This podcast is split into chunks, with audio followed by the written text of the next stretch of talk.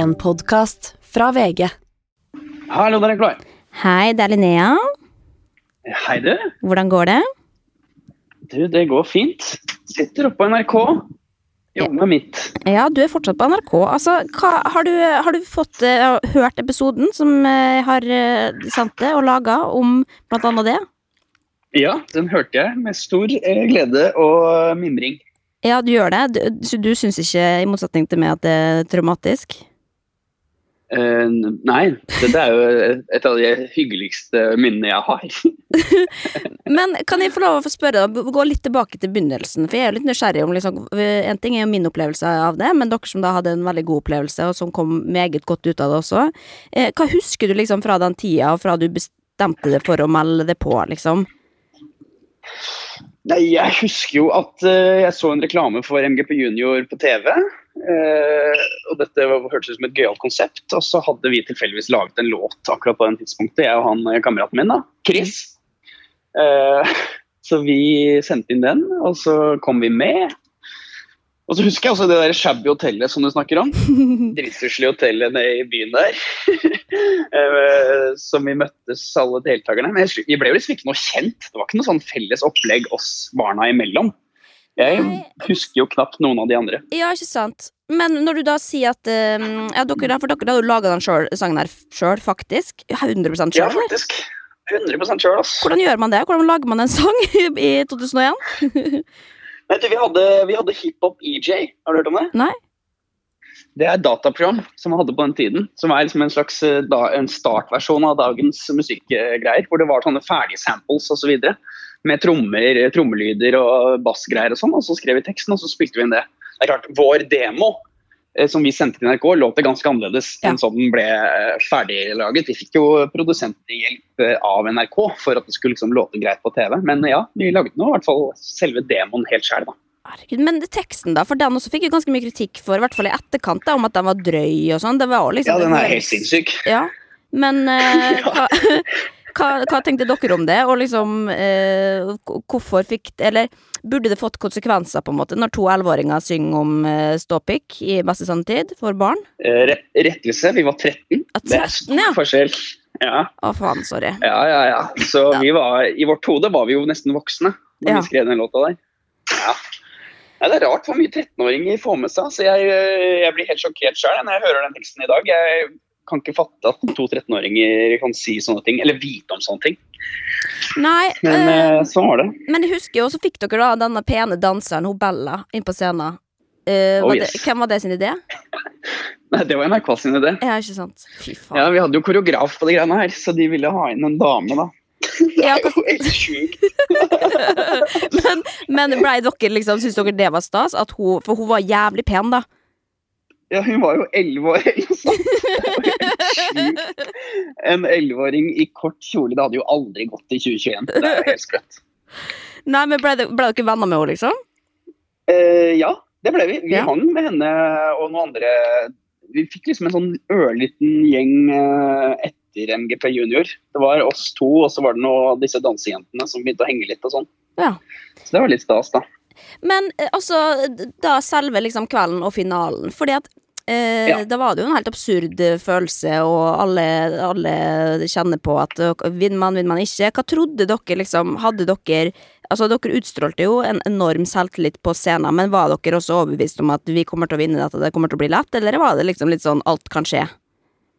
Ja, vi, vi, fikk vel følelsen, eh, som jeg husker det, da, det er jo dritlenge siden, men jeg synes jeg husker at vi dro dit med en sånn følelse av at vi, vi kommer nok til å havne i toppen. Ja. Det trodde vi, men vi trodde samtidig ikke at en rapplåt ville kunne vinne. Så jeg husker vi hadde veldig troa på Black Jackets. Ja. Det var de vi trodde skulle vinne hele greia. Ikke sant. Eh, og så rant jo det inn med tolvpoengere, da. så vi ble jo utover i sendinga. Men det sjuke er, jeg, jeg har jo hørt episoden nå og du liksom snakker om hvor traumatisk Vi tenkte jo ikke et sekund på de som havnet i bånn. Det var liksom ikke på vår radar i det hele tatt. Vi var bare sånn Oi, vi er i toppen, vi kan vinne de greiene her. Nei, vi, det... vi, glemte helt å legge merke til at oi, det finnes en syvende, åttende, niende og tiendeplass her. Ikke sant? Og vi som måtte gå hjem med, med halen mellom beina og ble suicidale etterpå. Eh, det er jo klart at vi, vi, Det var vanskelig også å unne dere seieren da, når vi har blitt uh, tapere. Ja, det skjønner jeg jævlig godt. Men, uh, men hvordan, hvordan etter da opplevelsen, for da å komme tilbake igjen på skolen, liksom, hva, hva skjedde da? Nei, Vi syntes det var drit... Det var veldig stas i starten, men det var ikke så kult heller. Vi kom liksom tilbake til skolen den eh, var det mandagen. Og så var det noe sånn kakeopplegg og rektor og fullt kjør. Men vi merket jo kjapt at da vi, liksom, vi begynte vi, vi gikk i åttende klasse på ungdomsskolen Det er ikke Der hvor vi vokste opp, så var ikke det dritfett å være barnestjerner. Um, så vi fikk høre det ganske greit, ja. Det var ikke bare positivt okay. sånn på sikt for vår del heller. Det var ikke sånn at vi svevde på noen rosa sky. Vi var veldig populære på den lokale barneskolen. Ikke like populære blant de andre barna på vår egen ungdomsskole. Nei, ikke sant. Men det er jo veldig godt for meg å høre, Så i, i likhet med deg så hadde jeg også en nokså tung ungdomsskoletid. Med mye misunnelse og eldre barn som skulle sette meg på plass for at hvem faen trodde jeg at jeg var, som var en sånn hiphopper fra Bærum, liksom. Det var jo litt uh, kulturkrasj. Og så drar dere da til København for å møte eh, de andre deltakerne fra Sverige og Danmark, og da er det jo en legende der som heter Rass, som har kickflipper, eh, og han, han har jo vunnet før han på en måte har satt sine bein i det studioet der. Hva tenkte du første gang du hørte den låta, og tenkte du da sånn 'å, fy faen, han kommer til å vinne', eller var det sånn 'ja ja, her er det en god sjanse'?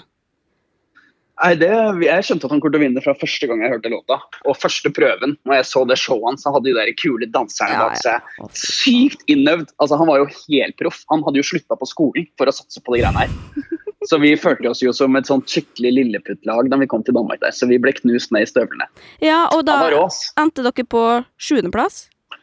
Sjuende av niende, ass. Ja. Så I, I feel your pain. I feel your pain. Det var brutalt, det. I Men hvert fall når vi var Alle trodde vi skulle havne i toppen, og så kom vi liksom journalistene etterpå. Vi var to 13-åringer som hadde kommet på syvendeplass, og de kommer sånn Er du skuffa, eller? Hæ? Altså, Ja. følte? Hæ? Er det dritt, eller? Ja. Det, det husker jeg dritgodt. Det var, eh, det var vondt. Men ehm, eh, jeg har hørt at du også har jobba litt med Melodi Grand Prix Junior i etterkant. Stemmer det?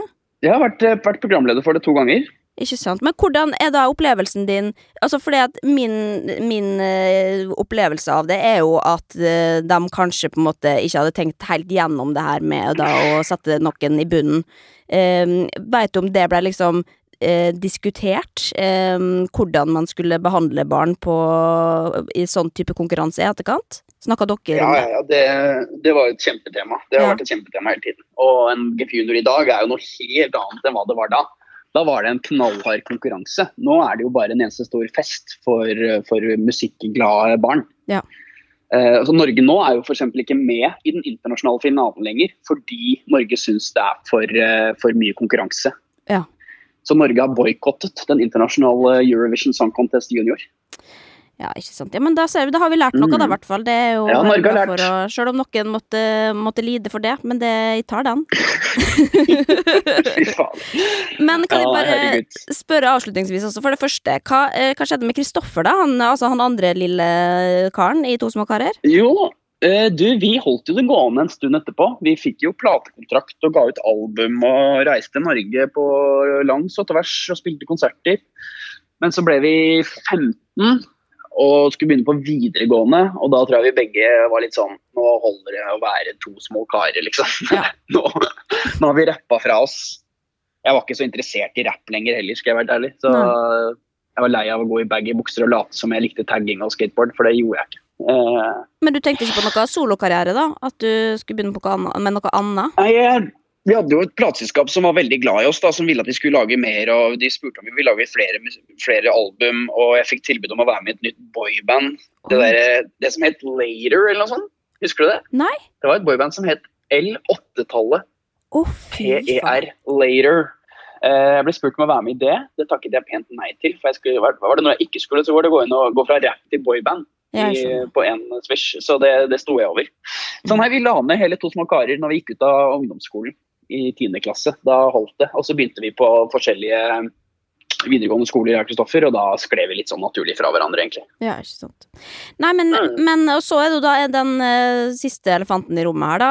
uh, som jeg, Ja. jeg tenker jo at en ting er To små karer, legender, men også Stiffy, uh, som vi jo aldri må glemme.